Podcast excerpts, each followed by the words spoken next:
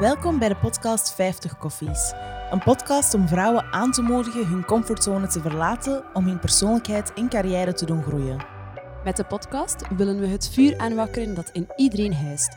Minder twijfel, meer durf. Na de eerste vier podcasts te hebben afgerond, is het tijd voor onze eerste groepspodcast met jonge, dynamische onderneemsters om de vergaarde kennis met de werkelijkheid af te toetsen. Voor onze groepspodcast hebben we vandaag Esther Andries, Amy van de Putten, oftewel Fast Forward Amy, Ellen Wouters, oftewel Jackie Boheim, in onze studio. Esther Andries begon haar weg in het ondernemen in de horeca met haar zaak Divers en richtte afgelopen jaar Your Healthy Fix op, een plant-based proteïnemerk. Wij kennen Esther voornamelijk als iemand die geen challenge uit de weg gaat, die durft te vragen en vooral een voorbeeld als het gaat over heel groots denken. Daarnaast hebben we Amy van de Putten, een business coach die service-based businesses helpt het leven en business te creëren dat ze willen. Wij kennen haar voornamelijk als een krak als het over money mindset gaat en prijsbepaling en die ondertussen toch ook al het een en ander kent over een podcast, aangezien zij vorige maand haar eigen podcast, The Fast Forward Amy Show, lanceerde. En last but not least, Ellen Wouters, die beter gekend staat als Jackie Boheim. Zij beheert meerdere real estate, real estate projecten die ze op een unieke manier aanbiedt. We kennen haar voornamelijk door haar ongeëvenaard gevoel voor stijl en haar unieke manier van intuïtief en soulful ondernemen. Welkom allemaal op de podcast. Goedemiddag, dames. Het was een lange intro, maar dat toont alleen maar aan hoeveel power dat wij hier aan ons, bij ons aan tafel hebben. Hebben we jullie correct voorgesteld? Ik denk het wel. Ja, klopt denk ik. Dankjewel voor de complimentjes. Oké, we zitten al goed. Superleuk.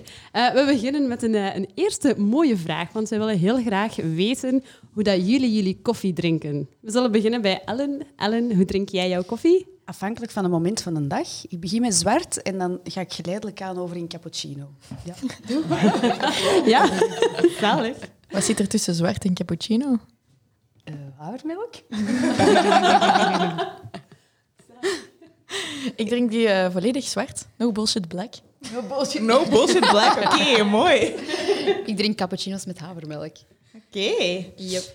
Eerste vraag, Esther. Jij bent momenteel, hè, je hebt divers en jij hebt Your Healthy Fix, een plant-based proteïne merk. Ja. En dat onder, ondertussen anderhalf jaar bestaat? Um, ja, anderhalf jaar bestaat, maar eigenlijk de laatste negen maanden echt um, hard op de markt is gebracht. Ah, ja.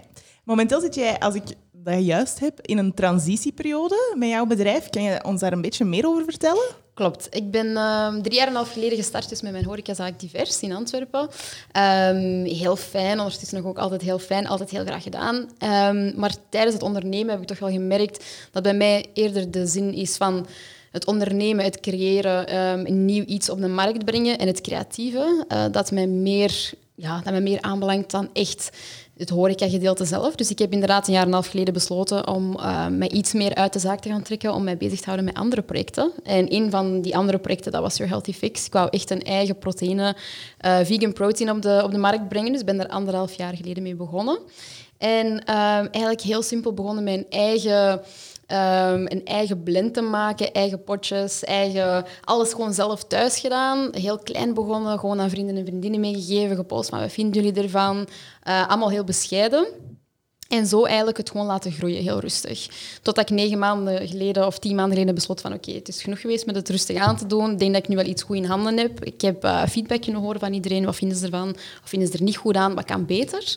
En uh, dan ben ik eigenlijk uh, aan de tafel gaan zitten met een aantal mensen. En heb ik besloten van oké, go harder, go home. En voilà, ik ben mij daar nu eigenlijk 100% op aan het focussen. En wil ook dat dat mijn focus is in de toekomst. Dus, dus in de toekomst ga je meer inzetten op your healthy fix en minder op divers. Klopt. Uh, divers blijft uiteraard bestaan en blijft gewoon verder lopen, maar iets uh, minder met mij op de voorgrond en ik focus mij inderdaad op your healthy fix. Dat ondertussen al iets minder klein is als, uh, als een jaar en een half geleden. Klopt, ja. Oké, okay, super. Super en heel erg inspirationeel, zou ik zeggen. Ellen, jij bent een soulful onderneemster, zoals ik al yes. vermeld had. Jij doet iets unieks met immobiliën. Eigenlijk um, probeer je heel hard na te denken over wat er uh, de dag van vandaag aan de hand is en wat er aan het gebeuren is. Kan je daar wat meer over vertellen? Ja, klopt. Um, ik ben um, ook, denk ik, een dik jaar geleden ongeveer begonnen, maar eigenlijk meer, ik was op zoek naar connectie En ik was op zoek naar een community die um, ja, meest soulful denkt. Uh, denkt. Uh, laat het mij zo zeggen. Uh, dus ik ben eerder vertrokken vanuit een community rond mij op te bouwen. En, um, maar na een paar maanden had ik direct zoiets van... Oh man, ik mis echt vastgoed. Ik heb echt iets met bakstenen. Ik moet daar iets mee doen.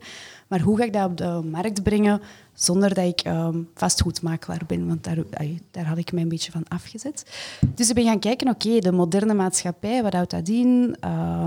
Meer en meer mensen beginnen te scheiden. Uh, zelf mama van een zoontje van vier. Um, hoe gaan um, ondernemende mama's om um, met thuis en uh, werk te combineren? Um, er zijn meer singles op de markt, meer eenzaamheid. hoe ga ik dat allemaal in één geheel brengen? En zo ben ik erop gekomen om inderdaad uh, vastgoedconcepten te gaan ontwikkelen die inspelen op de hedendaagse maatschappij.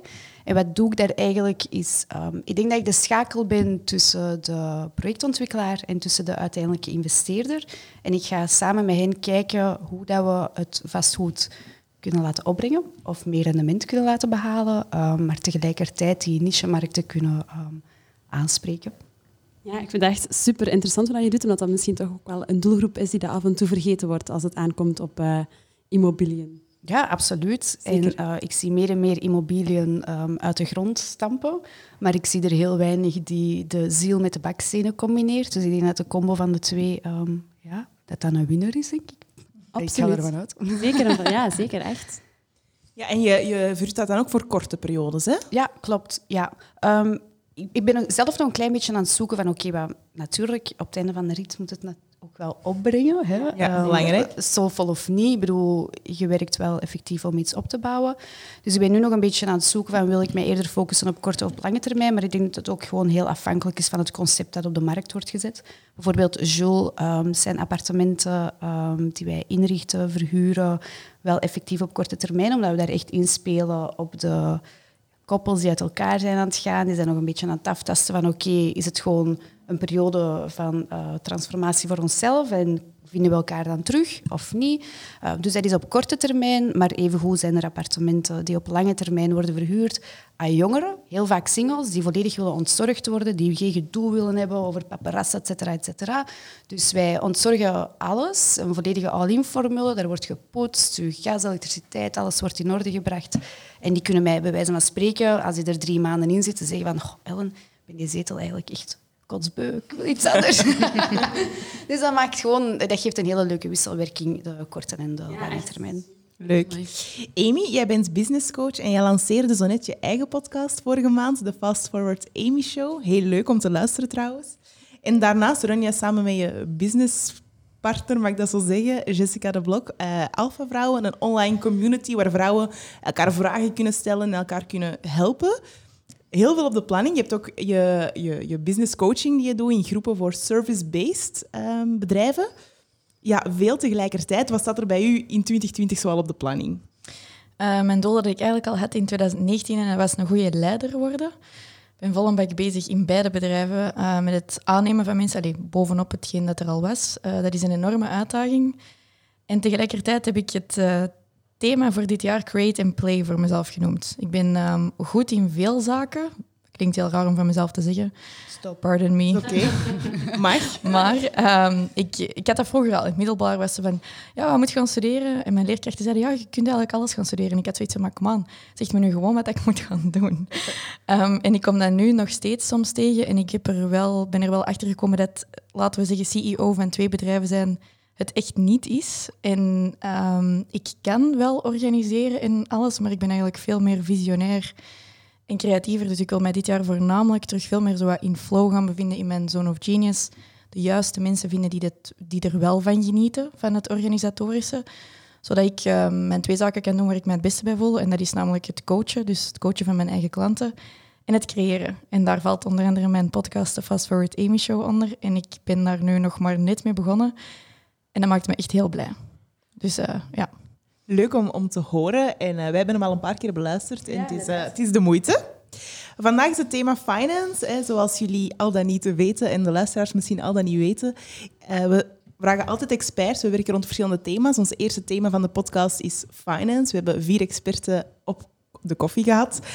Um, en we gaan dat vandaag aftoetsen met de realiteit. Dat is heel belangrijk. En daarvoor hebben we jullie genomen. Dus we gaan vandaag hebben over finance. En uh, ja, ik ga Nadia de eerste vraag laten stellen over het thema. Het is een beetje uh, afwisseling van micro vandaag, omdat we met meerdere mensen in een podcast zitten. Vandaar de heel duidelijke afwisseling tussen mij en Jana, of tussen Jana en mij, excuseer. Um, nu, de financiële wereld blijft toch ook wel ergens een beetje een mannenwereld. En we merken ook wel dat gewoon vrouwen of ondernemende vrouwen um, daar toch ook wel een beetje heel onzeker over zijn. Hoe ervaren jullie dat? Zijn jullie um, sterk in het ondernemen? Is het jullie kracht of niet? Ik ga deze vraag aan Amy stellen als eerste. Dus of het mijn kracht is of niet? Ja. Geld. Finance, ja. Omgaan met je financiën. Heb je daar schrik van? Zijn je daar veel mee bezig? Of probeer het zo ergens toch ook een beetje uit te stellen? Hm. Uh, ik was er vroeger enorm veel mee bezig. Ik was de student in het middelbaar al die alles opschreef wat ze uitgaf, want ik vond dat heel belangrijk. Um, ik heb ook wel wat andere periodes in mijn leven meegemaakt, waarbij dat het financieel in mijn familie niet goed ging, waardoor dat, dat een beetje is versterkt geweest en dat ik er controle over wou. Maar dan ben ik beginnen ondernemen op een gegeven moment en was ik zo overweldigd dat ik op een gegeven moment wel echt zwaar mijn kop in het zand heb gestoken. En dat was echt niet van mijn doen. En it caught up to me. En op een gegeven moment was ik dat zo beu dat ik dat gewoon echt die controle terug heb gepakt. En uh, dat is nog altijd zo en dat is fijn. En ik denk dat het heel belangrijk is dat je um, weet dat het beter is om te weten wat er op je rekening staat, al is het slecht, dan om het niet te weten. Goeie tip. Ja, we hebben soms nogal de neiging om uh, gewoon even niet te kijken naar de financiën. Hè? Ja, sommige, sommige mensen kunnen dat echt niet geloven, maar er zijn heel veel mensen die gewoon niet op hun rekening durven kijken. Ja. Wow. Herkenbaar? Ja. Ik af en toe. Ja. En je zegt, je hebt dat terug in handen genomen. Heb je bepaalde dingen die je effectief hebt gedaan, of heb je het gewoon terug beginnen bijhouden? Um, goed beginnen bijhouden kon ook niet anders. Allee, bedoel, op een gegeven moment moet je wel. Maar ik, uh, zo'n paar van die kleine dingen die ik heb gedaan vroeger was bijvoorbeeld het automatiseren. Gewoon doorlopende opdrachten instellen um, naar een externe spaarrekening waar ik niet aan kon. Al zijn dat maar kleine bedragen, al is dat maar als student dat je 30 euro per maand overschrijft. Maar gewoon dat dat allemaal wel begint op te bouwen. Op een gegeven moment is wat, wat goud en zilver aangekocht dat me dat enorm fascineerde, geld. en ondertussen heb ik zo gewoon met allemaal van die buffers. Mijn mama lachte er altijd mee dat er in mijn appartement altijd wel in elk potje of elke handtas kun je altijd wel geld vinden. Ik denk dat een angst van ooit zonder te vallen, omdat ik weet hoe dat, dat is van, van vroeger zo'n beetje. Dus um, ik probeer altijd gewoon overal reserves op te bouwen. Maar um, ik denk dat de kracht er ook in allee, bestaat als ondernemer van op een gegeven moment ook wel gewoon naar nul te durven gaan. Ik zie heel veel mensen dat een panische angst hebben om geen geld te hebben zeker in België, zo het land van de spaarders. Dan zeggen mijn vriendinnen soms van, oh, ik heb echt geen geld. Ja, ja, na mijn 600 euro sparen per maand heb ik echt geen geld meer over. En dan denk ik van, maar mannen, als je iets wil opbouwen of whatever, ga dan gewoon soms naar nul of in het rood. En dat mag ook, zo. Als je naar je toekomst aan het gaan, vind ja, ik persoonlijk. Is Absoluut. Absoluut, dat is, uh, dat is zeker iets heel, uh, iets heel nuttig. Ellen?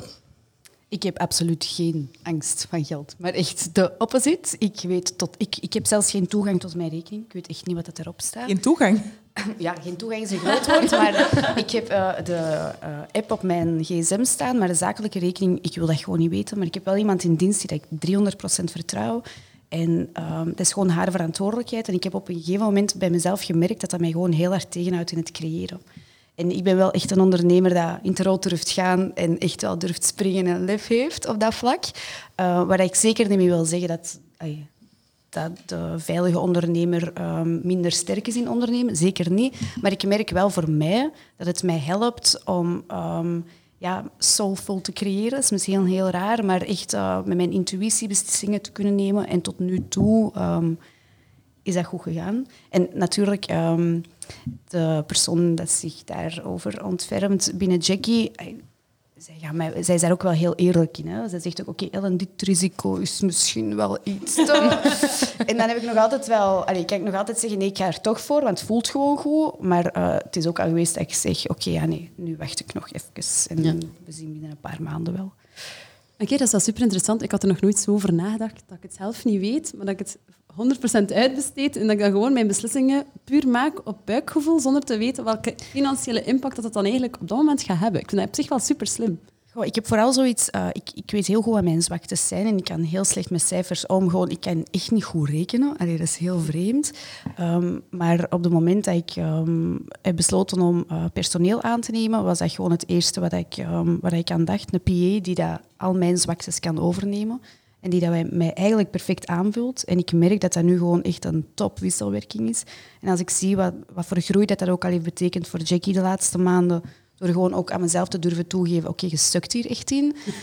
Zij is daar top in, uh, controle loslaten. En um, ja, voor mij is dat ook een stuk um, inspirational leadership. Dus ik denk dat dat um, een wisselwerking is.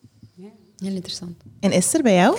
Bij mij is het een beetje een, een groeiproces geweest, denk ik. ik. ik. heb altijd heel goed met geld omgekunnen. Uh, heel verantwoordelijk geweest met geld. Van in het begin uh, dat ik divers gestart ben, had ik het gevoel dat ik enorm veel controle had over mijn financiën. Dus ik hield alles goed bij. Ik denk dat daar nooit een probleem is geweest. Um, het is voor mij een leerproces geweest in de zin van... Ik ben heel veel zaken tegengekomen in de horecawereld, waarbij de andere mensen bij je financiën beginnen te screwen. Ja. en dat er onvoorziene zaken naar boven komen... Um, gewoon ja, learn the hard way. Mensen die profiteren van u. Je gaat als um, jonge ondernemer het vak in, heel naïef. Uh, je gaat in zee met, met, leveranciers en die hebben allemaal het beste met je voor. En die willen je allemaal steunen en allemaal helpen. Totdat je na zes, zeven maanden je ogen open doet en eens met de concurrenten spreekt of de conculega spreekt in straat. Hoeveel betaalde jij voor je bananen? Ah, de helft. Ah, oké, okay, bon, dat slacht wel tegen dan. Ja, grappig, bij je zijn ook effectief bananen niet. ja, voilà. En er waren veel bananen. Dus, uh, Zo'n ding is, um, ja, en dat is nu één voorbeeld met leveranciers, maar ik heb ook zo'n zaken allee, met, met boekhouders. Allee, ik moet het jullie allemaal niet vertellen.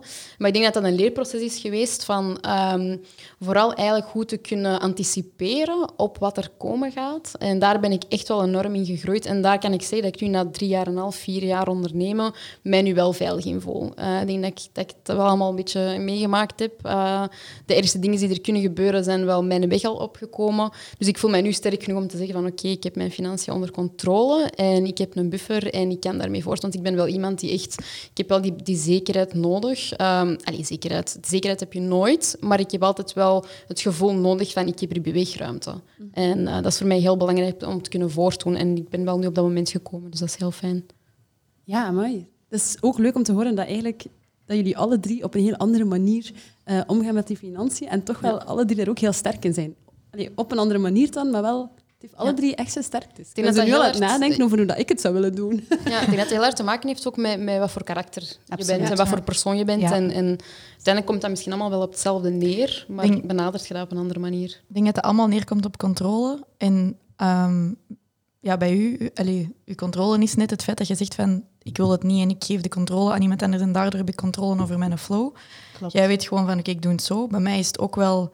Ik, ik ervaar er nog wel zo wat plezier in soms, maar ik denk gewoon het financiële, het kennen en het wel kunnen, ook al beslis je dan van het uit te besteden, is iets, dat is gewoon een non-negotiable. Als mensen zeggen van ja, ja, financiën, als je gaat ondernemen, je kunt gewoon niet anders. Dat is ook zo. Als je het niet kunt, dan moet je het leren. Dat is gewoon, ja. dat moet echt. Dat, ja, dat is gewoon zo aan een basisregel, denk ik. Ze zeggen ook altijd in het ondernemen, hè, op je baan, dat je het eerste wel leert is effectief nee leren zeggen en heel selectief zijn. En ik denk dat het tweede dat daarbij komt, is dat je niet meer bang bent van je financiën en dat je er echt maandelijks um, erin duikt en echt je financiën kent of een manier vindt om je financiën onder controle te houden, zoals dat je zei, Amy. Absoluut. Dat is heel belangrijk. Ja. Ik geloof zelf ook dat dat... Um, niemand geeft er zoveel om als jijzelf in die end. Dus je moet wel in staat zijn om het te kunnen zien. Ik, bedoel, ik bekeek onlangs nog eens wat statements van mijn vorige boekhouder en daar hadden ze dan een zes maanden huur niet ingebracht bij mijn kosten. En ik, ja, lap Allee, je kunt nog zoveel uitbesteden, maar uiteindelijk moet je wel zelf het kunnen lezen en het ook wel uh, even kunnen aanpakken als het moet. Want je bent uiteindelijk wel de persoon waar je het meest op kunt vertrouwen. Ook al is dat natuurlijk gevaarlijk, want het is wel goed om het uit te besteden. Hè? Ja, ja, ik vind dat een heel dubbel inderdaad. Want hey, je, je, geeft het aan je boekhouder omdat je ervan uitgaat dat dat de specialist is in het vak. Natuurlijk is het nog altijd zo als hij, hij of zij een fout maakt. Je hebt het ook al een paar keer meegemaakt. Um, de financiële gevolgen die daaraan gekoppeld zijn, ja, die mogen jij zelf dragen. En die gaan je boekhouder niet betalen voor u. En dat is heel belangrijk inderdaad om, uh, om blik dat Amy zegt. Besteed het uit, maar probeert wel te begrijpen wat er, op zijn minst te begrijpen wat er aan het gebeuren is. Uh, je moet het daarvoor niet zelf doen, maar probeert ja, het te begrijpen en te interesseren. En dat is bij mij ook, ook veel meegemaakt, een leerproces geweest. En nu heb ik wel het gevoel van, oké, okay, ik, ik, stuur mijn boekhouder om de twee weken. Kijk, ik ga langskomen, ik snap iets niet, kunt je mij dat uitleggen? Ik wil weten hoe je dat, je dat en dat gedaan hebt. Um, dat is misschien heel vermoeiend voor die mensen, maar ik vind dat heel belangrijk. Goed betaald ja, ervoor, is oké. Okay. Ja, ik denk, um, als ik bij mezelf kijk, dat het vooral ik, ik, hou van overzicht en het grotere geheel, maar niet van de details daarin. Ja. Dus wat de, wat de PA, om het even dan zo te zeggen, doe, is eigenlijk alles verwerken, zodat ik één keer per maand echt er kan induiken. Maar dat ik Globale niet- kan. Ja, voilà, het globale.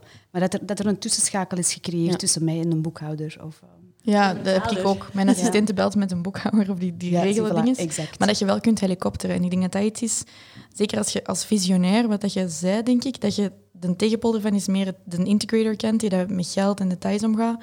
Dat jij tenminste naar het grotere geheel kunt zien en denken van, hoe kan ik meer geld verdienen? In plaats van, oh zeg, ik moet die rekening nog betalen. Want ja, dat zuigt gewoon energie. Ja, klopt, helemaal. Heel mooi. Ik denk dat we al ineens de eerste tips al direct hebben meegekregen. Ja, absoluut. Hebben jullie nog andere tips om goed met je financiën bezig te zijn? Of was dat het zo wat, wat, jullie, eh, wat in jullie hoofd kwam? Eén concrete tip. Ik denk dat dat al een hele goede was, dat de, de boekhouder niet altijd blind mocht vertrouwen. Maar ik denk dat dat ook de number one fout is dat iedereen maakt. Dat je gewoon denkt, ik besteed alles uit aan mijn boekhouder, dan moet ik het zelf niet doen. Dan kijkt je er niet naar en dan vertrouwt je erop. En meestal eindigt dat ook wel ergens eh, in je eerste drie jaar dat je plots een factuur van 10.000 euro moet betalen omdat je boekhouder iets verkeerd gedaan heeft. Just happened to me in december. Dus eh, Ehm, ik Kijk denk dat op dat je- een hele goede tip is. Ik zou zeggen, kijk op je rekening. Aan iedereen die dat nu is aan het luisteren en denkt, ja, ja maar ik durf het niet op te doen, kijk op je rekening, maak even een inventaris zodat je ervan, allez, hoe dat je hier zegt raakt. En beloof gewoon dat je dat niet meer gaat doen. En zie hoe dat je meer geld kunt verdienen. In plaats van alleen te focussen op de kosten, ga gewoon kijken naar je inkomsten. Wat ik zelf ook wel een heel belangrijke vind, ehm, ik vind het wel heel fijn om met de wetgeving te spelen. dat wordt hier uitgezonden eigenlijk. Let's do this! Ik bedoel, financiën is voor mij ook veel meer dan echt letterlijk de cijfertjes. Er zijn ook gewoon zoveel wegen om cijfers creatief aan te pakken zonder effectief met cijfertjes bezig te zijn. Dus, Tell us ehm, more. Ja, eh, ik kan nu niet direct meteen een, een, een voorbeeld geven, denk ik. Maar ehm, ik check af en toe wel eens of dat er subsidies... Ah, zo ja. ja, of dat bijvoorbeeld. Of ehm, ja, hoe dat je dingen kunt inbrengen of zo. Daar ben ik wel heel hard Ja. mee bezig. Van, oké, hoe kan ik dingen maximaliseren? Maar, Het eh, meeste eruit halen. ja, voilà. Maar daarvoor niet per se met het cijfer zelf bezig te zijn. Want ik denk dat dat inderdaad een heel goede tip is. Ik heb daar eerst toevallig nog een gesprek over gehad met mijn mentor, ehm, die opeens uit het niks zei van ah, Esther, je moet deze subsidies bekijken. Ik denk dat dat in aanmerking komt voor het groeitraject dat jij nu Ja. in aan het gaan bent. Ehm, en dat was ook zo met het oprichten van Divers. Ik heb, een heel, ik heb heel de zaak Divers eigenlijk opnieuw ingericht. Ik heb daar een nieuwe keuken geïnstalleerd. Ik heb een nieuwe muur gezet, een nieuw toilet gezet. Ik heb heel dat, pand eigenlijk gewoon gerefreshed. En pas na een jaar had ik door, door gewoon op het internet te surfen... ehm, Stad Antwerpen, subsidies, dat ik een subsidie tegenkwam ehm, dat als je een, een pand hebt in het historisch stadscentrum of het zuid van Antwerpen en je hebt daar vernieuwing aan gedaan of je hebt daarin geïnvesteerd, dat je in aanmerking komt voor een subsidie. Ik dacht, oh, oké, great. Natuurlijk heel veel werk steken in het eh, maken van dat dossier om dat in te dienen, die aanvraag. Ik heb die uiteindelijk gekregen. Dat ging over 15.000 euro dat ik heb teruggekregen. voilà. En dat gaan ze u niet vertellen.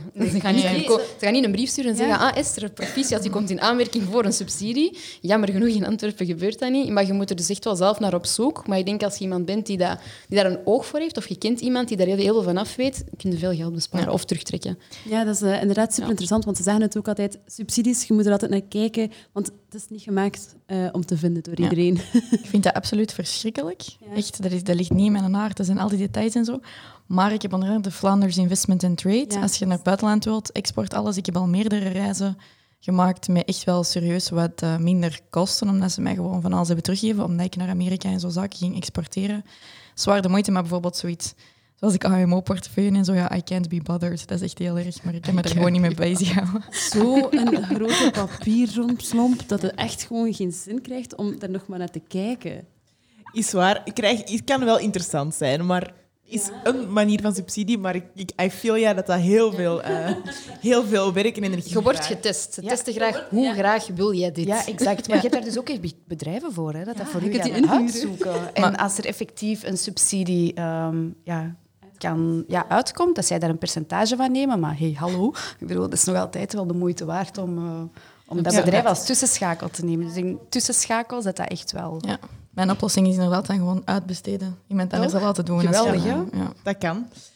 De volgende vraag. We hebben een podcast gedaan met Connie van den Driessen. En als we haar vroegen wat de grootste tip was om te doen, allee, om te, te implementeren als het gaat over financieel groeien en uzelf en uw zaak naar een hoger niveau te brengen, zij zei zonder twijfel, dat is een raad van bestuur samenstellen. Al heb je een klein bedrijf, al bent je een eenmanszaak, al kun je dat absoluut niet betalen. Je vindt altijd wel enthousiaste mensen die interesse hebben, die twee keer op een jaar ehm, dat willen doen. Is dat iets waar jullie mee werken of absoluut niet? Ik zie u heel vermondig ja knikken. Ellen, vertel. Dat heeft mij al zo hard geholpen. Uh, ik heb een board of advisors. En ehm, ik ben eigenlijk... uh, ik heb Jackie opgesplitst in verschillende tribes. Uh, je hebt de styling, je hebt de financiën inderdaad. Um, je hebt het vastgoed, uh, je hebt je marketing. Dus ja, verschillende tribes. En in iedere tribe ben ik een expert gaan zoeken. En heb ik heel schaamteloos aangesproken van... Hey, wil jij mij adviseren om de zoveel tijd? En... Um, vaak, en, of liefst dan zelfs nog een expert dat er um, helemaal anders tegenover staat dan ik, zodat je echt kunt sparren met elkaar. Maar dus ja, ondertussen heb ik een board van advisors met um, ja, vier advisors die om de zoveel tijd komen samen en um, spreken wij bepaalde pijnpunten binnen Jackie of uh, groei. Bijvoorbeeld personeel aannemen. Ik vond dat heel spannend in het begin. Nu vind ik dat helemaal niet meer zo spannend. En heb ik zoiets van drie ineens tegelijk, want dat is de enige manier om nu te groeien. Maar zij helpen nu wel echt over, um, ja, over bruggen te gaan of bruggen te leggen of um, ja, even tegen te houden. Maar en het leuke vind ik nu ook, eens dat er ook personeel is, dat je... Um, zij moeten niet altijd alleen nog maar met mij sparren, maar zij kunnen echt um, sparren met de specialist in het bedrijf, zodat zij echt in hun vol potentieel kunnen gaan staan in hun specialiteit of in hun eigen tribe. Dus ja, ik vind dat echt mega waardevol. Ja, absoluut. Zeker iets om aan te raden. Ja, absoluut. En mag ik dat vragen? Er zijn, je hebt verschillende manieren van een raad van advies samen te stellen. Je hebt er een die dat op vrijwillige basis wil doen. Je hebt mensen die je echt de, de, de ambt geeft, de, de bevoegdheid en die daar ook voor betaalt. Heb je mensen gevonden die gewoon geïnteresseerd waren in u? Of heb je echt zoiets van, nee, playing it big, de beste, up, ik zet er wat geld tegenover, of niet?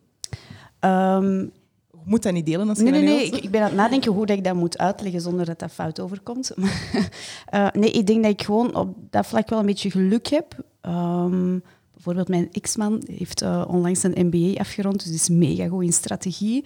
Dus dat is een van mijn advisors. Um, een hele goede klant uh, waar ik mee werk is um, ja, echt wel expert in een bepaald vakgebied. Dus ik denk dat ik gewoon ook echt wel...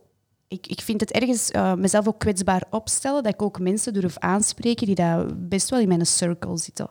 kan gevaarlijk zijn, kan tricky zijn, maar ik vind het best wel oké okay om ook zelfs tegen een van uw klanten of aan een van uw klanten dat te vragen, omdat dat voor hem ook wel effectief, of haar, effectief ook wel um, aangeeft van oké, okay, she's playing big. Allee, ze is er echt wel serieus mee bezig. Dus ik denk dat dat um, een samenloop van ja.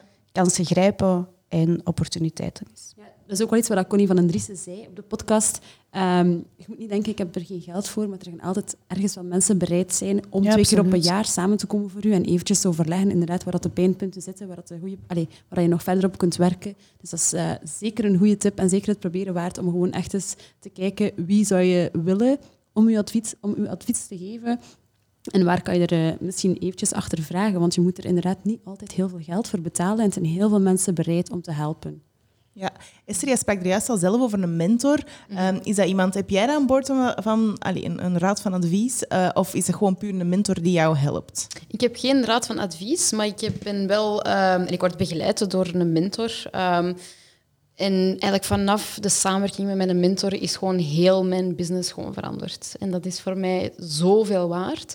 Ehm, dat is wel een vrij intense samenwerking. Dus ik, ik eh, spreek hem paar keer per week. Wij zien elkaar ook meestal wekelijks, twee wekelijks. Ehm, en hij wordt ook omringd met andere mensen, dus met advocaten, waar ik zelf ook aanspraak op mag maken. Dus ik heb eigenlijk daar een beetje een team van mensen die mij ondersteunt op alle vlakken, eh, waar ik ook met al mijn vragen terecht kan. Eh, en dat gaat van financieel tot samenwerkingen, tot zeg het, ehm, advocaten, gerelateerde zaken.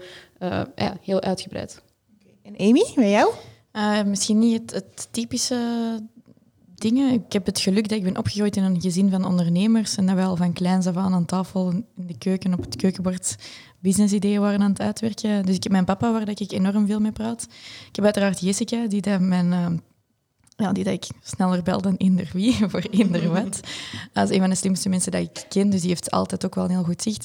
Ik heb een coach waar ik al drie jaar mee werk en ik ben nu net ook in de mastermind gestapt voor de hele bewuste reden dat ik een business coach wou. Dat is de mastermind van 25.000 dollar, dus you can't not be committed. En dat is iemand die verder staat dan ik sta. Die heeft gedaan wat ik wil doen. En ik ben wel van mening van, Oftewel inderdaad, je gaat zien naar de mensen in je omgeving, wie kan er u echt vooruit helpen, maar durf je eigen te triggeren met mensen die niet uw mening hebben, die dat u oncomfortabel gaan maken. Want dan gaat je echt vooruit kunnen gaan. Als je blijft omringen met mensen die gewoon hetzelfde zijn en hetzelfde prima vinden, ja, dan is het veel moeilijker om vooruit te gaan. En voor mij was het momenteel moeilijk om nog getriggerd te worden gewoon door mijn rechtstreekse omgeving misschien. Dus ik wou zoiets zien, what else is out there? En tegenkanting is dat ik zelf ook aandelen heb in een bedrijf waar dat er een fantastische board is. Wat dat voor mij ook heel leerrijk is tegelijkertijd en een heel mooi netwerk uitbouwt. Dus um, dat is ook wel een leuk... Je kunt natuurlijk zelf ook bij mensen raad gaan geven. Dat is ook een, leuke flipside. Oké, allemaal uh, supergoeie tips. En, het is wel duidelijk dat je toch allemaal uh, op de een of andere manier beroep doet op een, um, op een raad van advies of een raad van bestuur. Dus dat is denk ik uh, heel positief. Goed bezig, dames. um, nu, jullie hebben ook allemaal wel meer dan één business. Je hebt divers en healthy, your healthy fix, ja, alpha vrouwen en je eigen coaching. En bij jou binnen Jackie Bohem is, is er ook heel veel aan de hand, of heel veel verschillende dingen aan de hand.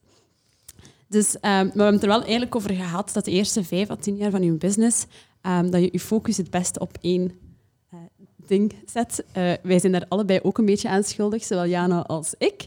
Um, hoe behouden jullie jullie focus? Hoe behouden jullie jullie rode draad doorheen jullie ja, verschillende projecten om die focus toch te behouden? Want we zijn allemaal wel geneigd om ja, we zijn ondernemers. Hè. We willen nieuwe projecten, we willen nieuwe dingen doen. We willen de hele tijd geïnspireerd blijven en daarop inspelen ook. Dus wat is, hoe behouden jullie jullie focus? Goh, bij mij is dat... Um, ik ben daar zelf ook inderdaad lang schuldig aan geweest door uh, zowel focus te leggen op divers als op je healthy fix. Totdat ik inderdaad ook gemerkt heb van oké, dit is niet de manier uh, hoe het, het, moet gaan om te werken. Dit is niet, uh, het levert mij niet op wat ik, wat ik wil. Dus dan heb ik echt wel inderdaad beslist om te zeggen van oké, ik ga divers um, uit handen geven, operationeel gezien. Dus ik heb dan ook iemand binnen de zaak aangesteld als manager, als verantwoordelijke, die voor mij al die zaken regelt. Um, zodat ik een beetje afstand kon nemen van divers. Uiteraard blijf ik eigenares van divers. Uiteraard blijf ik eindverantwoordelijke voor alles wat daar gebeurt. Um, en doe ik nog altijd het einde van de boekhouding en het personeel. Maar eigenlijk alles wat daar binnen die vier muren gebeurt, heb ik volledig uitbesteed. Waardoor ik mijn focus op je Fix uh, volledig kan zetten. Dus ik denk niet dat altijd nodig is om te zeggen van je kunt je maar focussen op één ding, waardoor dat je maar één bedrijf kan hebben. Ik denk dat je zeker meerdere bedrijven kan hebben, maar dat kwestie is van de juiste mensen op de juiste plaats te zitten, zodat je wel met, op tijd en stond afstand kan nemen van een aantal projecten om je te gaan focussen waar dat nodig is. En bij mij was die focus echt nodig op je Healthy Fix. Uh, vandaar de keuze om inderdaad divers uh, een beetje van mij weg te duwen en me daarop te gaan focussen. Oké, okay, super. Amy? Ik zou liegen als ik zei dat ik daar niet mee struggle. Uh, dat is een enorme struggle, zeker omdat mijn twee zaken enorm hard op elkaar lijken. Letterlijk hetzelfde gebeurt in beide zaken. Dus dat is vaak ja, gewoon heel vermoeiend voor mij. Ik doe business coaching bij Fast Forward Amy. En bij Alpha Vrouw werken we met heel veel cursussen, maar ik heb zelf ook cursussen. Dus soms is de vraag, wat doe ik waar? Kan ik me voorstellen. Ja, ja dus dat is moeilijk. Um, en ik denk dat voor mij de grootste tipping point is geweest personeel. Ik uh, denk dat het heel typisch is als je ja, ik kom terug op dat visionaire, maar als je met je visionair bent, dat je heel hard vooruit wilt. Je maakt beslissingen, je ziet een strategie, je ziet een visie. En dan is dat ook klaar en wilt je verder gaan. En als er dan mensen zijn dat dat uitvoeren, dat helpt enorm hard. Want dan, ja, dan kun je ook verder. En bij mij is het echt gekomen toen mijn assistente er was, kon ik zo niet meer zo heel de tijd zeggen. Dan moest ik wel gewoon even vasthouden aan hetgeen dat ik had gezegd. Want ja, anders, she would call me out on it. Hè? je kunt niet gewoon blijven bullshitten. Hè? dus um, dat is eigenlijk een hele goede houvast voor mij, is personeel. En ja, dat klinkt misschien raar, maar... Nee, ik, ik, kan er wel in, ik had er nog niet zo over nagedacht, maar ik kan er wel in komen als je het zegt, inderdaad. Want anders dan wilde zo blijven gaan voor die vrijheid. Van, ja, maar ik ben toch ondernemer, ik kan toch doen wat ik wil? Ja, nee, je moet het ook wel gewoon afmaken. Ja, en niet van de hak op de tak springen, inderdaad. Ellen, hoe is dat voor jou? Um, ik heb voor mezelf een octopus op papier getekend. En um, wat is het hart van, uh, van Jackie? wat is het hart van Jackie? Mogen we dat ineens weten? Uh, het hart van Jackie is sowieso Maison l'appartement Jackie, dus de locaties van Jackie, absoluut. Um, en het hart is voor mij heel belangrijk om te managen, maar daar heb ik hetzelfde gedaan aan Esther. Echt een verantwoordelijke aangesteld, mij daar ook echt van losgekoppeld. Uh, losgekoppeld. Nee, niet, allee, niet emotioneel losgekoppeld, maar operationeel laat ik dat echt volledig los. En ik zit ook fysiek echt op een andere plek te werken, zodat ik dat ook niet ga micromanagen als ik daar echt aanwezig ben. Um, dus voor mij is het... Um, ja, mijn focus is effectief concepten ontwikkelen en die uitvoeren. Maar ehm, ja, voor mij is dat gewoon één groot geheel. En als ik twijfel aan iets, dan ga ik gewoon echt terug naar die octopus kijken en denken, oké, kan dat een arm zijn van het hart van de octopus of niet? Dus ja. Oké, mooi.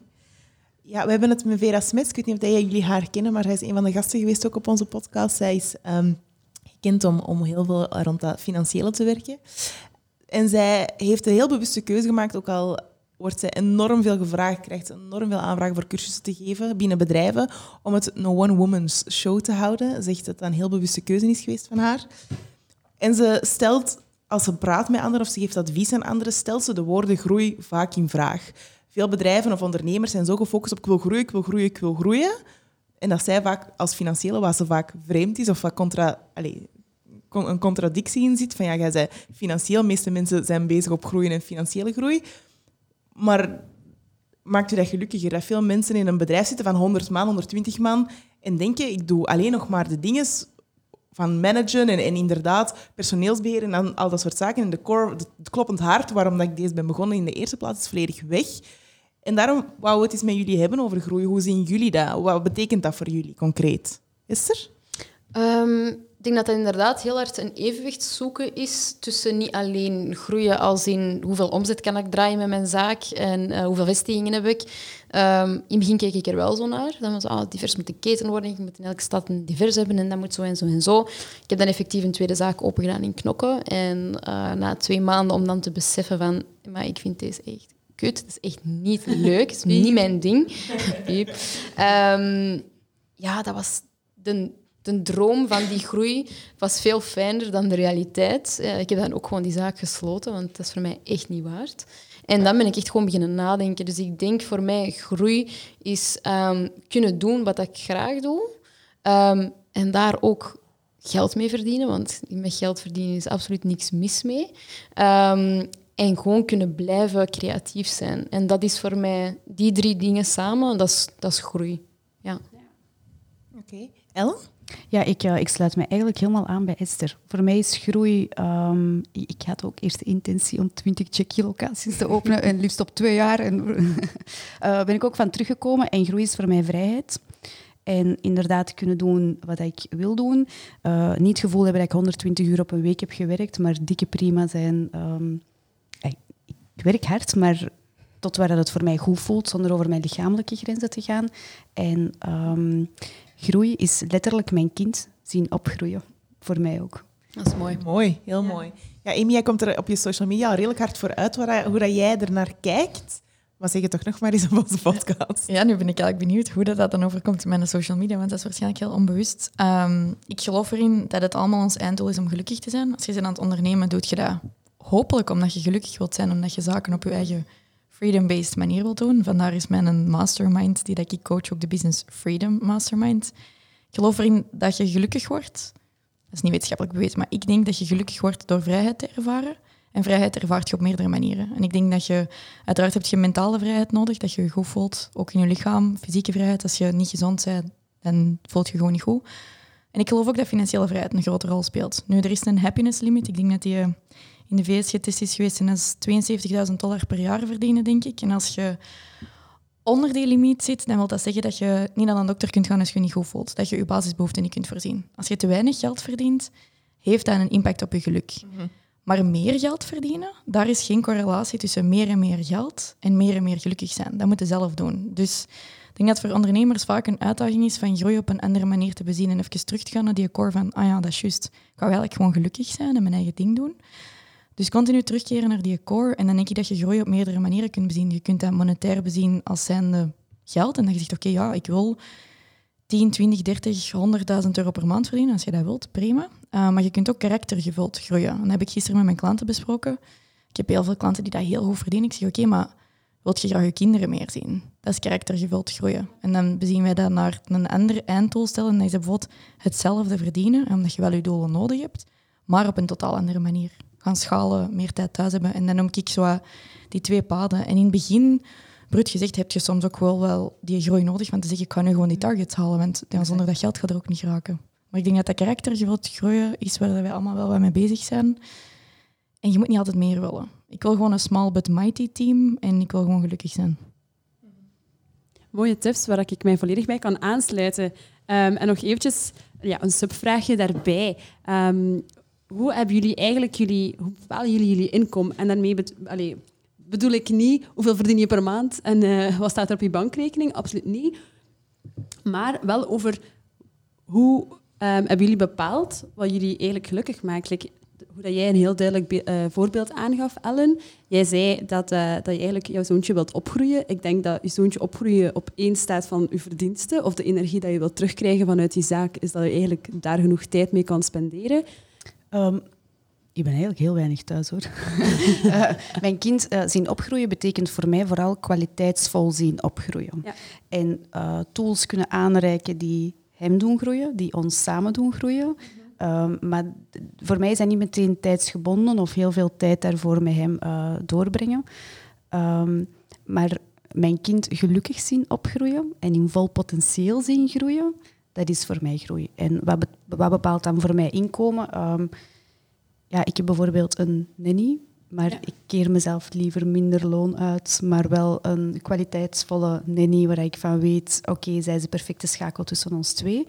Ehm, dus ja, inkomen is voor mij weer niet money-mind ehm, gerelateerd, maar ehm, vooral, ik wil wekelijks naar mijn mentor kunnen gaan die mind en body eh, in balans houdt. Ehm, en ik probeer zoveel mogelijk in de zaak te steken, uiteraard. Dus, eh, dus eh, ja, niet per se ehm, geldgebonden, maar ehm, mijn leven kwalitatiever kunnen maken en van de mensen rondom mij kwalitatiever kunnen Ja, maken. exact. Ik denk dat dat een, een hele mooie tip ook is die je geeft. Of dat je geeft omdat je, ja, als je gaat nadenken, oh, oké, wat wil ik in mijn leven? Als in, wat wil ik doen? Wat is eigenlijk ik jaarlijks twee keer per maand, twee maanden op reis wil gaan, dan moet je dat gewoon ergens incalculeren als dat, dat je inkomen is. Ja, exact. Ehm, en, allee, en je opbrengsten of je financiën een beetje daarop baseren. Ja, en niet exact. zeggen ik wil zoveel geld verdienen, maar dat eerder eh toelichten op het feit dat je bepaalde zaken in je leven eh, prioriteit geeft. ja, En je verdiensten daaraan Ja. koppelt eigenlijk. Ik krijg heel vaak die vraag van ah, hoeveel loon keerde jij eigenlijk uit? En ik durf echt gerust zeggen, tot op heden, na een jaar, heb ik er bewust voor gekozen om mij nog geen loon uit te keren, maar wel echt heel kwalitatief te leven en te voelen dat ik leef en te voelen dat ik onderneem.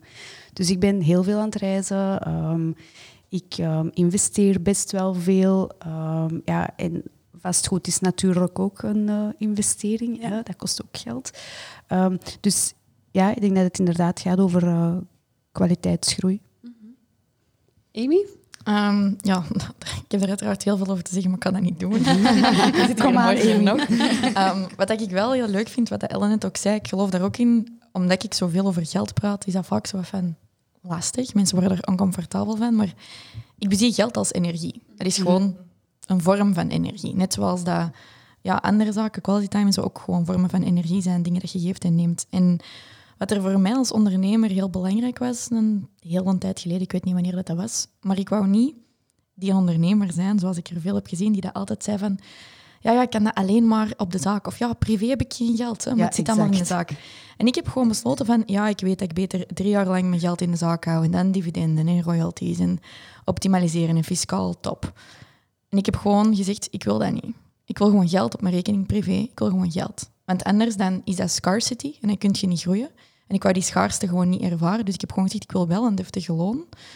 Want ik kan dat gewoon niet altijd doen. Ik kan niet that person zijn. Ik wil gewoon geld privé en op mijn zaak. Want ik ben niet mijn zaak. En dat is wel iets wat dat heel belangrijk is om je soms aan te doen denken, denk ik. Dus op die manier heb ik abundance gecreëerd. En uiteraard wil dat niet zeggen dat ik nog altijd bijna alles op de zaak zit. Eindelijk. Esther, hoe is, ja, hoe is dat voor jou? Ehm, hoe is dat voor mij? Ik heb ehm, ja, de eerste twee jaar, denk ik, ehm, heel veel geïnvesteerd terug in de zaak. En eigenlijk mezelf een beetje op de achtergrond geschoven. Ik heb dat zo lang mogelijk gedaan, heel bewust. om echt de zaak te kunnen laten groeien. En ik ga eerlijk zijn, het was niet een keuze, het was eerder van moeten. Eh, als ik wou dat die zaak groeide, dan eh, moest ik mezelf even op de achtergrond stellen. Maar dat eist zijn tol, absoluut. Ehm, dus op een gegeven moment heb ik wel moeten zeggen eh, van oké, ik ga dat anders moeten aanpakken. Ik keer elke maand mijn personeelloon uit. Ik ben elke maand die loonfiches aan het uitsturen. Everybody happy, happy. En dan keek ik zo'n beetje wat er voor mijn eigen nog overschoot. Ehm, daar worden niet heel happy van. Dus eh, ik pak het nu gewoon helemaal anders aan. Ik heb voor mijn eigen een, een loon berekend waarmee ik weet, oké, daar voel ik mij comfortabel bij. Daarmee kan ik de dingen doen die ik moet doen. Uh, uiteraard doe ik ook zoveel mogelijk op de zaak. Um, ik denk dat dat voor iedereen zo is. Uh, we moeten profiteren waar dat we kunnen. Binnenkort allemaal belastingen op Echt, echt? En je podcast shut down, die legale praktijk hier. Nee, nee. En ik zal nu eerder uh, misschien een factuur dan een paar weken te laat betalen, maar ik ga wel zien dat ik mijn loon heb. Dus ik heb nu wel geleerd om mezelf uh, prioriteit op dat vlak te maken. En dat wil nog altijd niet zeggen dat ik mijn eigen gigaloon uitkeer, maar gewoon een bedrag dat voor mij comfortabel aanvoelt. En uh, ja, voilà. Er is een heel mooi, even om dieper in te gaan op wat Amy daarnet zei. We hebben van Geert Noos een heel interessant uh, verhaal gehoord dat een beetje aansluit daarop. Hij zei van in het begin deed ik dingen gratis. Mensen kwamen, allez, vroegen mij om te komen spreken en dat is allemaal super tof. Of komt op dat event dag zeggen en komt daar naartoe. En ik, ik deed het allemaal, want ja, ik vind dat ook wel leuk. Dat is op zich wel waar je in interesseert. Ja, natuurlijk, die, die mensen zijn blij. Uh, iedereen dat er is, is blij. Die organisatoren zijn blij. Die mensen die komen naar dat event zijn blij. En alle energie gaat zo. Exact. Ik sta hier van voor... Zo, mensen zien natuurlijk als je de podcast luistert. gaat weg van mij. Dus ik geef alles wat ik heb en iedereen is blij, maar mijn, er, komt er is geen pijl dat terugkomt naar mij.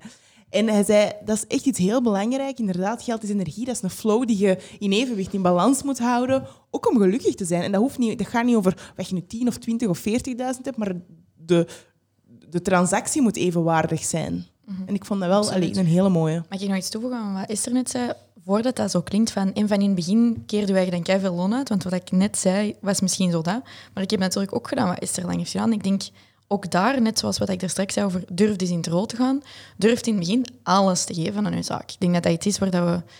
Ik haat het, maar ze zijn heel veel aan het afgeven op de millennials in het nieuws en zo.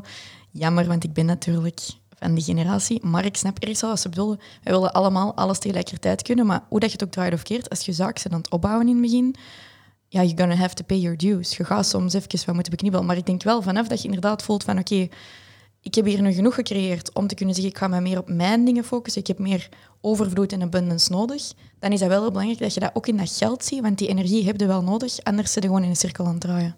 Mm Ja, zeker waar. Als je, we hebben het hier net al een beetje aangehaald, hè, hoe dat jullie in het begin er tegenover staan versus nu.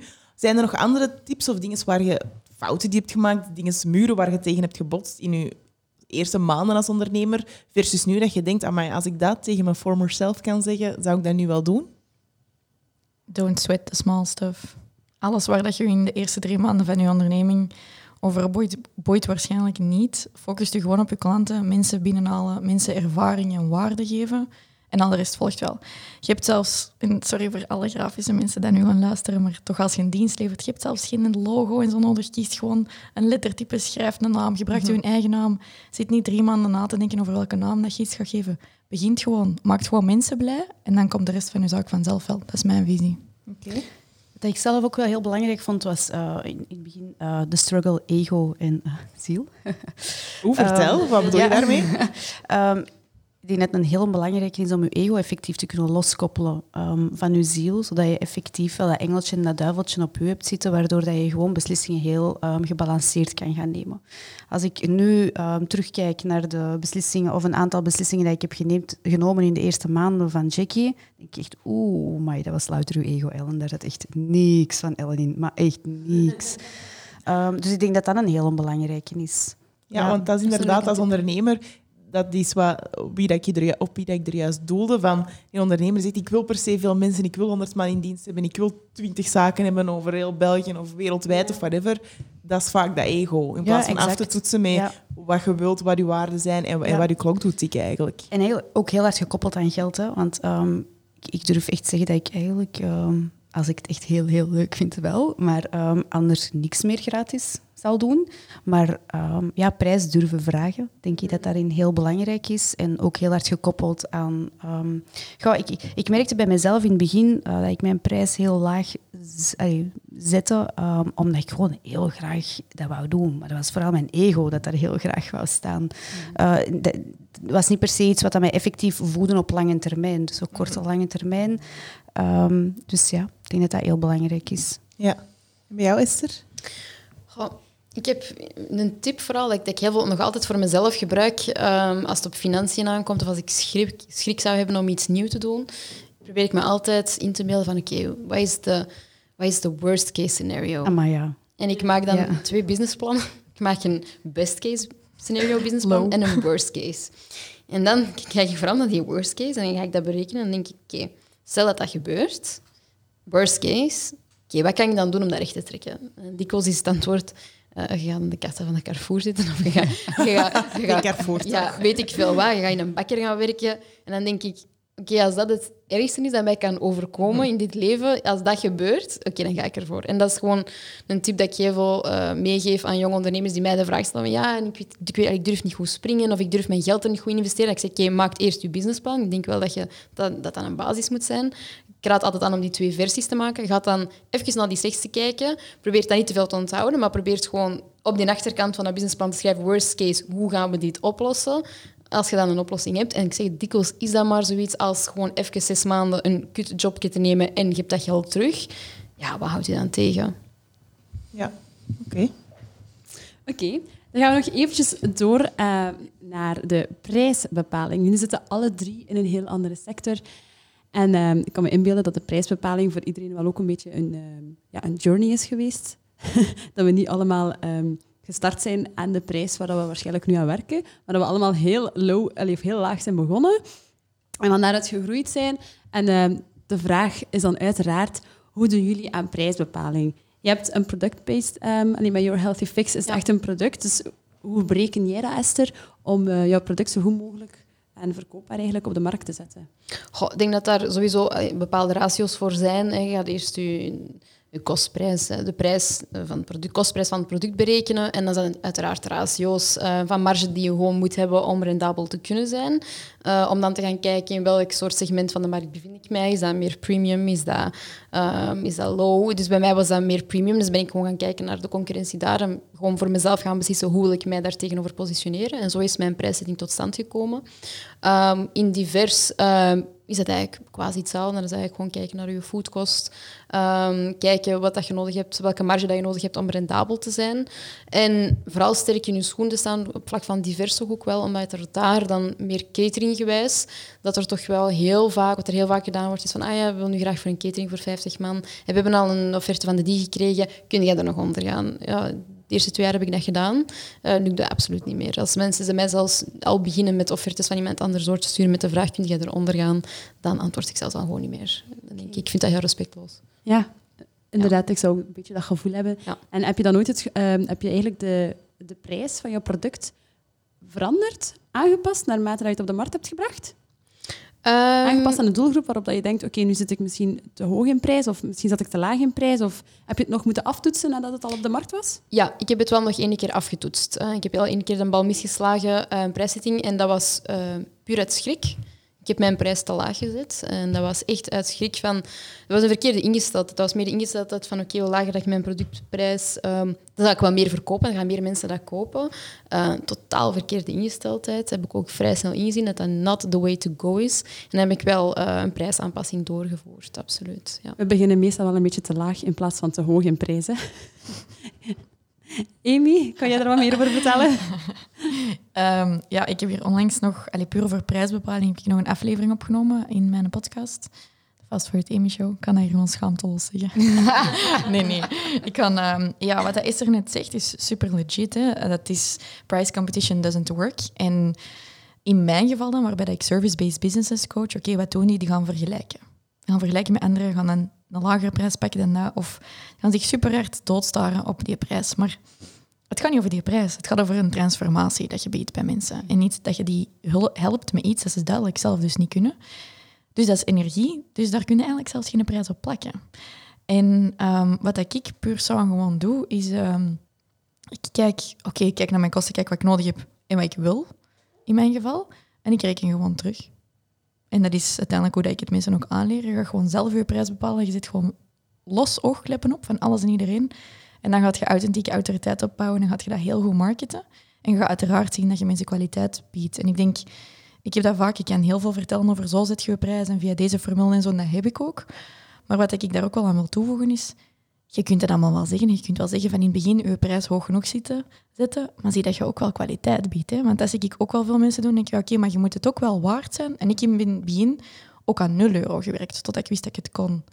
En dat is ook wel iets, dat voel ik soms misschien in mijn rol als educator daarover, dat mensen nu misschien door al een empowerment even te hoog beginnen gaan. Dan denk ik, maar nee, je moet nog eerst even laten zien wat dat je waard bent. Dat is ook belangrijk ik denk dat dat inderdaad ook een mooie aanvulling is op die een balans ertussen ja. vinden.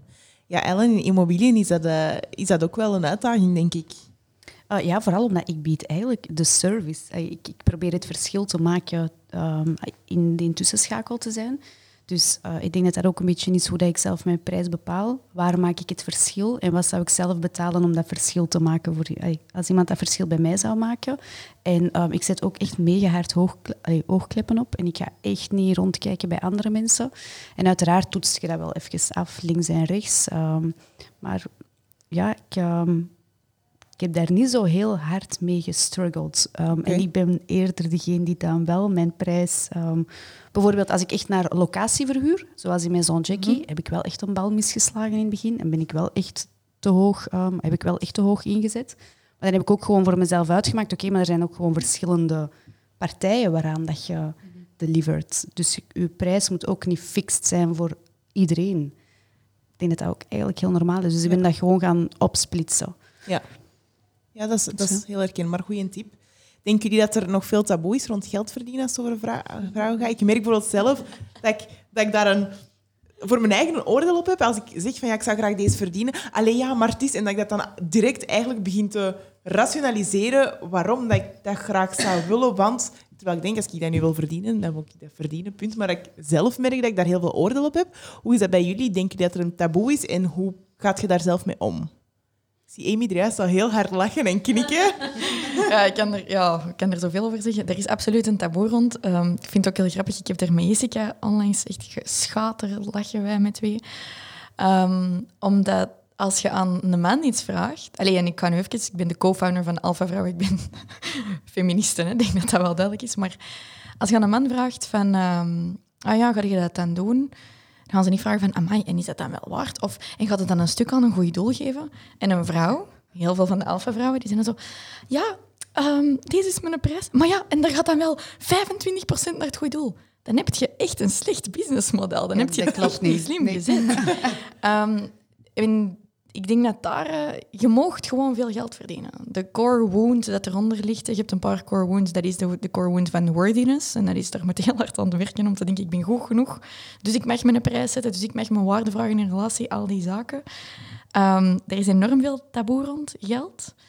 Geld is slecht, geld is een duivel. Dat is waarom we allemaal onze rekening open doen. Maar als je dat vooral draait naar Geld is goed. Geld zorgt ervoor dat ik andere mensen kan aannemen, andere mensen hun familie kan voorzien. Geld zorgt ervoor dat ik de space heb om mensen te helpen. Ik heb een klant van mij die heeft net eindelijk een traject van vier maanden haar prijs deftig gezet. En die denkt nu, amai, nu kan ik eindelijk de waarde leveren aan die mensen dat die verdienen, omdat ik de juiste prijs heb gevraagd. En dat ik tenminste nu ook de space heb om ja. die een exchange in energy te doen. Ik denk zelfs niet alleen bij klanten. Ik denk zelfs, ik ben er ook heel veel boeken over aan het lezen, want die dat oordeel dat ik heb op mezelf, als ik dat uitspreek, ik wil dat gaan onderzoeken, ik wil daar iets mee doen.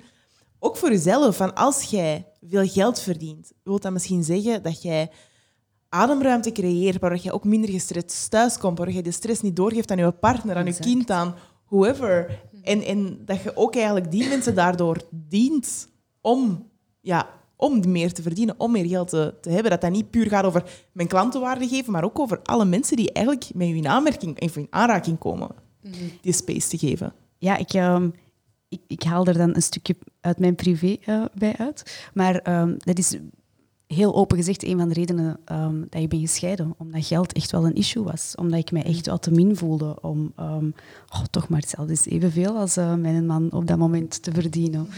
Um, ja, ja, echt absurd. Amy is on a roll. Ja, Voor de mensen die niet kunnen zien, is hier aan het knikken en aan het schrijven. Ja, ik, ik, ik zou mij echt op dat moment geschaamd hebben. Want dat is niet mijn rol als vrouw in gezin en zeker niet als moeder. Mm -hmm. Om dan nog eens uh, ambitieus te zijn en geld te willen verdienen. En, en nu zijn de rollen omgedraaid. Niet in de zin van... Um, niet dat dat ook moet. Nee, voilà. en, en, bij mij is geld energie, geld is flow. En ik praat gewoon niet graag over... Um, een, effectief een cijfer erop te kleven, omdat dat gewoon voor mij echt over hoeveelheden energie gaat. Dat klinkt echt heel vreemd, maar dat is ook wel echt Nee, ik zo. begrijp dat. Heel En hard. het is niet...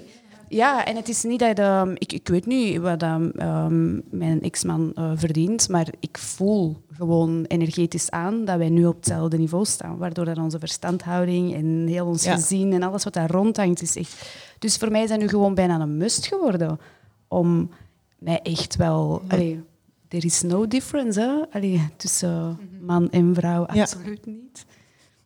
Amy. Dat is hier echt een zwaar feministengroepje eigenlijk. is prima, is prima. Maar de, de moderne feminist. Ik heb twee grote dingen. Ik denk dat dat misschien soms wel eens interessant is om te horen. Maar ehm, een anderhalf jaar geleden, dus dat was nog aan de start van Alpha Vrouwen, redelijk aan de start, heeft er iemand redelijk beschonken tegen mij gezegd. Ik was toen nog single. Een man, alleen een volwassen man, waar ik altijd een goede band mee heb gehad, vriend van mijn ouders en zo. Die heeft tegen mij gezegd, met zijn zatte botten, ja, met heel dat dingen wat jij nu zo aan het doen, eh, die, eh, die Alpha Vrouwen, ja, zo ga je nooit geen vent vinden. Ze. Niemand gaat nog iets met je willen. Wauw. Dat was heel brut. Mega brut. Super brut. Ik, eh, ik, heb dat, ik vond dat echt niet leuk. Snap ik. Ehm, en dan een ander stuk van het wel, uiteraard. Ik heb dat van mij afgezet. Hè, bedoel. Ja, dat is vrij triest eigenlijk, dat verhaal. Ja, bedoel, maar ik wil maar, zeggen, ik wil maar zeggen, dat is maf, hè. gewoon. Geert maar, noemt zo mannetjes alfa-mannetjes. Ja, Ja. Zo dubbel met je alpha-vrouw, maar inderdaad. ja, oké. ja, nee, nee. Ja, ja. ja, inderdaad. Bij ons is Alpha Vrouwen een positief concept. De belangrijkste factor waar dat wij Alpha Vrouwen op hebben gedefinieerd, we hebben er heel lang over nagedacht, is echt Alpha Vrouwen gunnen elkaar hun licht. Dat is de belangrijkste factor. Ik moet ik niet bij wijze van spreken elke Alpha Vrouw zelfs tof vinden of graag hebben. Dat gaat echt gewoon over gunnen die elkaar hun licht.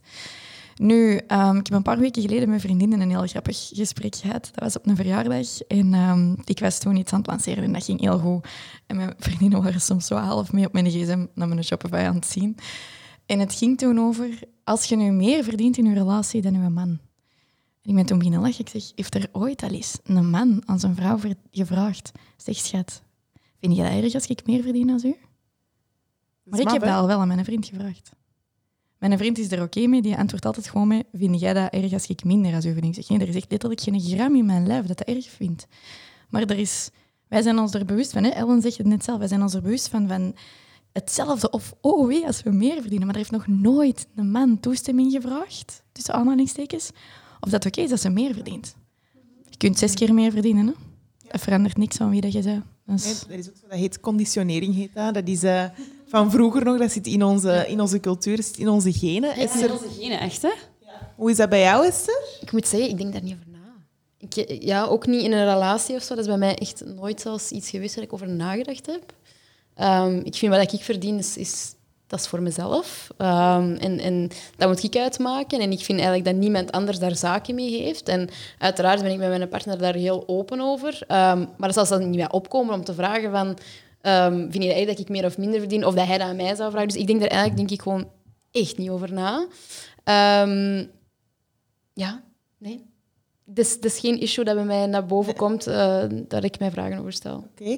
Ja, mijn, eh, mijn grote voorbeeld was mijn, eh, mijn bazin bij L'Oréal. Totaal niet gekend persoon, maar die vrouw, als ik die ooit aan die tip van haar tenen kom, fantastische madame. Die zei altijd, en dat is me bijgebleven, zij, ehm, haar job was in, in puur hiërarchisch, of hoe zeg je hoger. Allee, zij was CEO van, eh, van allee, niet van L'Oréal, maar wel van haar divisie. Ehm, en zij kon heel veel reizen. En doordat zij zo aan de top stond van dat bedrijf, moest ook, dat was daar de regel, per drie jaar moet je naar een ander land gaan. Dat was daar de regel.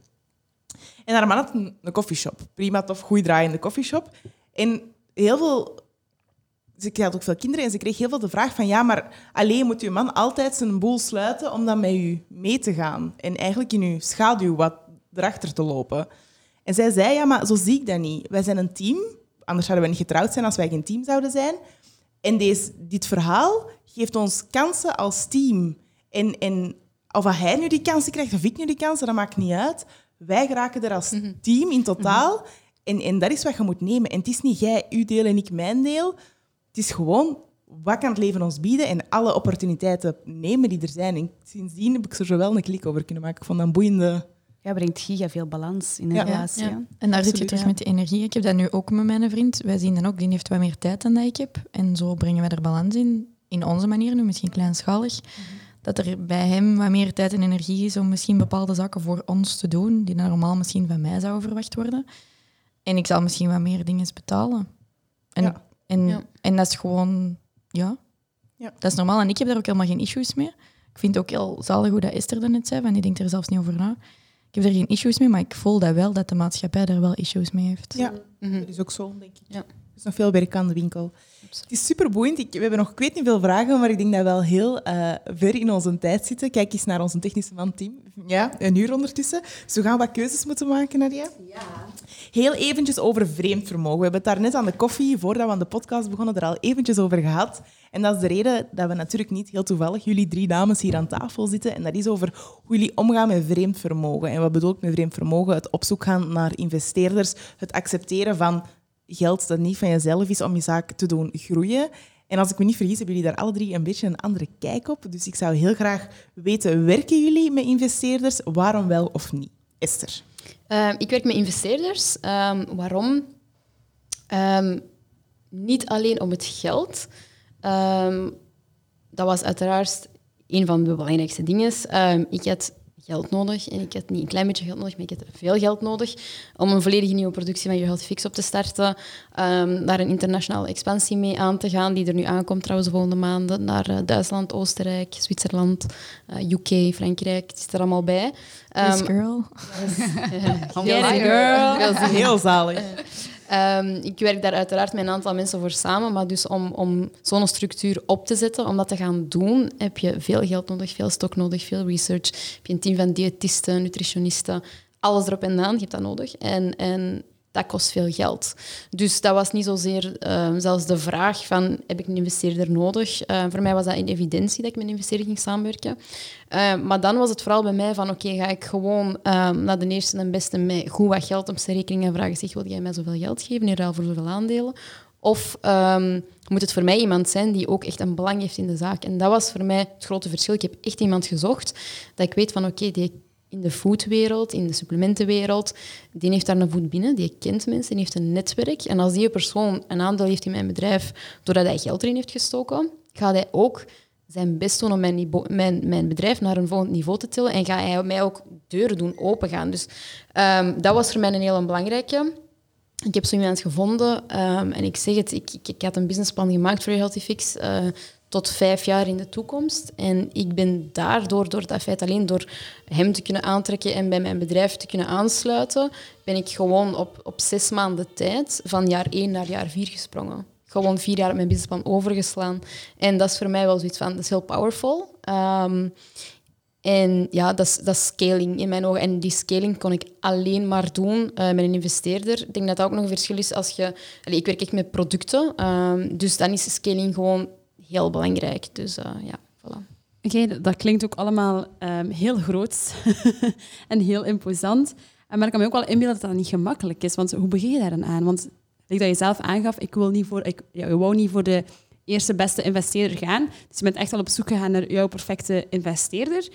Hoe ben je daar naar op zoek gegaan? Ehm, ik moet zeggen dat dat iemand is dat in mijn netwerk zat, ehm, waar ik niet per van wist wat hij wel of niet zou willen investeren. Ehm, dus ik heb wel het geluk gehad dat die persoon zelf over de... Die eigenlijk zocht eigenlijk met mij naar een investeerder. Ik heb een aantal mensen gesproken en ik kwam met hem en zei ik van kijk, ik vind gewoon niemand, omdat al die, die boxes worden voor mij niet gecheckt en ik vind dat heel vervelend.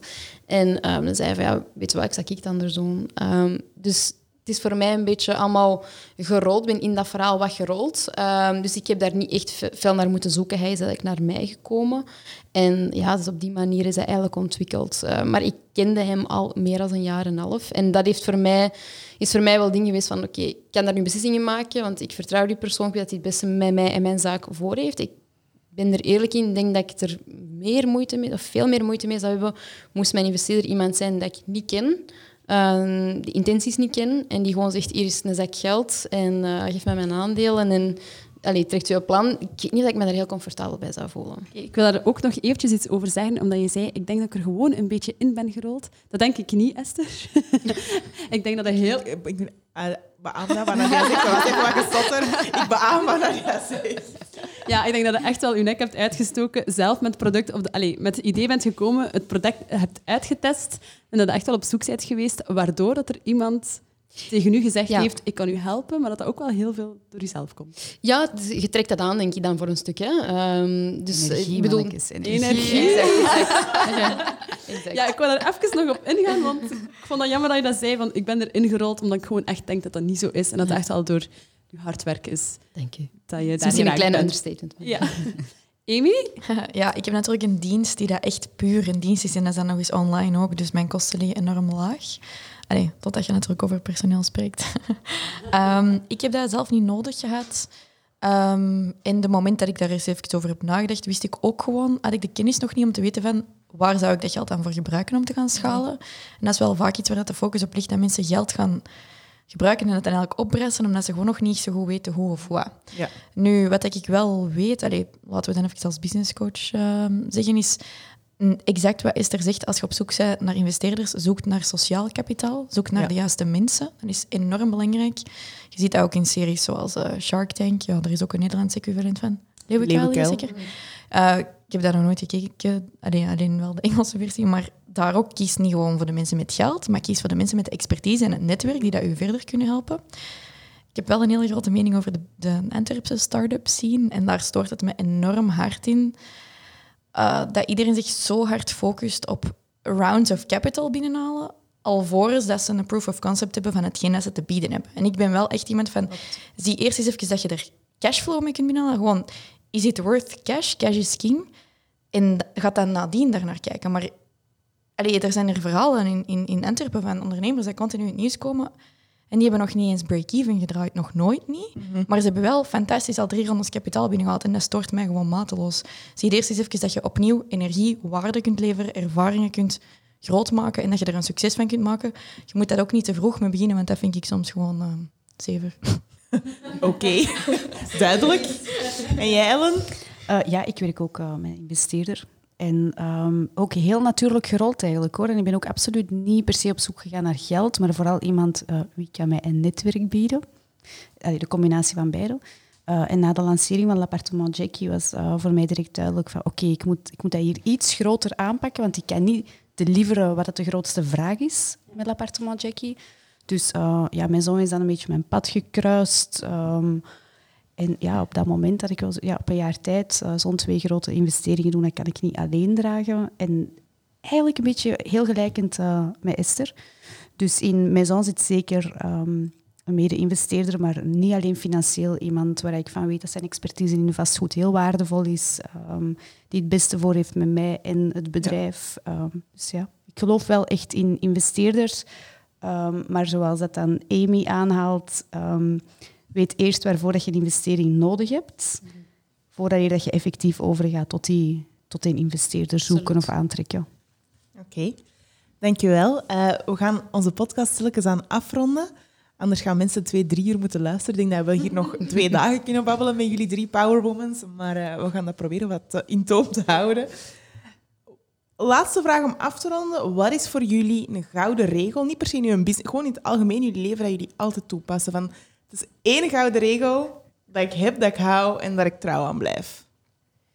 Groei in potentieel en aftoetsen met mijn belly feeling. Oei, dat moet je nog heel even terug Ja, ja dat is. Chinees. hè? Ja, dat zo. Oei, wat zegt ze nu? Ehm, ja, belly feeling. Als een beslissing niet klopt met mijn buik, dan ga ik er gewoon niet in mee. Ongeacht of dat er een goed cijfer tegenover staat of niet. En ehm, groei in potentieel. Eh, dus in de plaats van te, eh, ehm, alleen te willen scalen, vooral in potentieel groeien. Zowel voor uzelf als de mensen rond u in vol potentieel laten draaien. Oké, mooi. Heel mooi. Amy? Ik denk altijd geloven in abundance. Ehm, ik organiseer binnenkort een summit. En ik ga daar mijn grootste concurrent uitnodigen en heel mijn publiek daaraan blootstellen. Is dat slim? Misschien Yes. niet. Maar ik denk van wel, inderdaad. Omdat ik gewoon geloof in overvloed. En what goes around, comes around. Dus altijd geloven in overvloed. Dat is zo met energie, met mensen. En zeker dus ook met geld. Dus ja, investeer eens dat geld. Ja, huurt eens een coach in. ehm, what goes around, comes around. Gewoon durft geloven in meer. En niet in schaarste blijven hangen. Dus eh, ja, altijd geloven in abundance. Geloven niet meer. Ik vind het een mooie. En Esther, jij? Go big or go home. en vooral, de wereld is groter dan België alleen. Yes. Ja, Yes. zeker wel. We wonen niet zo'n groot land, dus dat is niet zo moeilijk. Ja, oké. eh, we gaan hier bij de, de podcast ook eindigen. Super bedankt eh, om allemaal zo open en eerlijk eh, jullie tips en verhalen te delen met ons. We vonden het echt super interessant en ik denk dat iedereen wel van elkaar een beetje heeft kunnen leren. Ehm, en de luisteraars ook super hard bedankt om te luisteren en tot nu nog steeds te luisteren eigenlijk. Ja, tot ziens en hopelijk, ja, we gaan nog vanaf afstand en hopelijk ook vanaf dichtbij kunnen volgen wat jullie allemaal nog gaan doen. Ja, um, internationaal in groeipotentieel Summit, met uw podcast, met uw um, immobiliën en dergelijke. Dus uh, dank jullie wel om er te zijn vandaag. Dank jullie wel. Tot snel. Dank, dank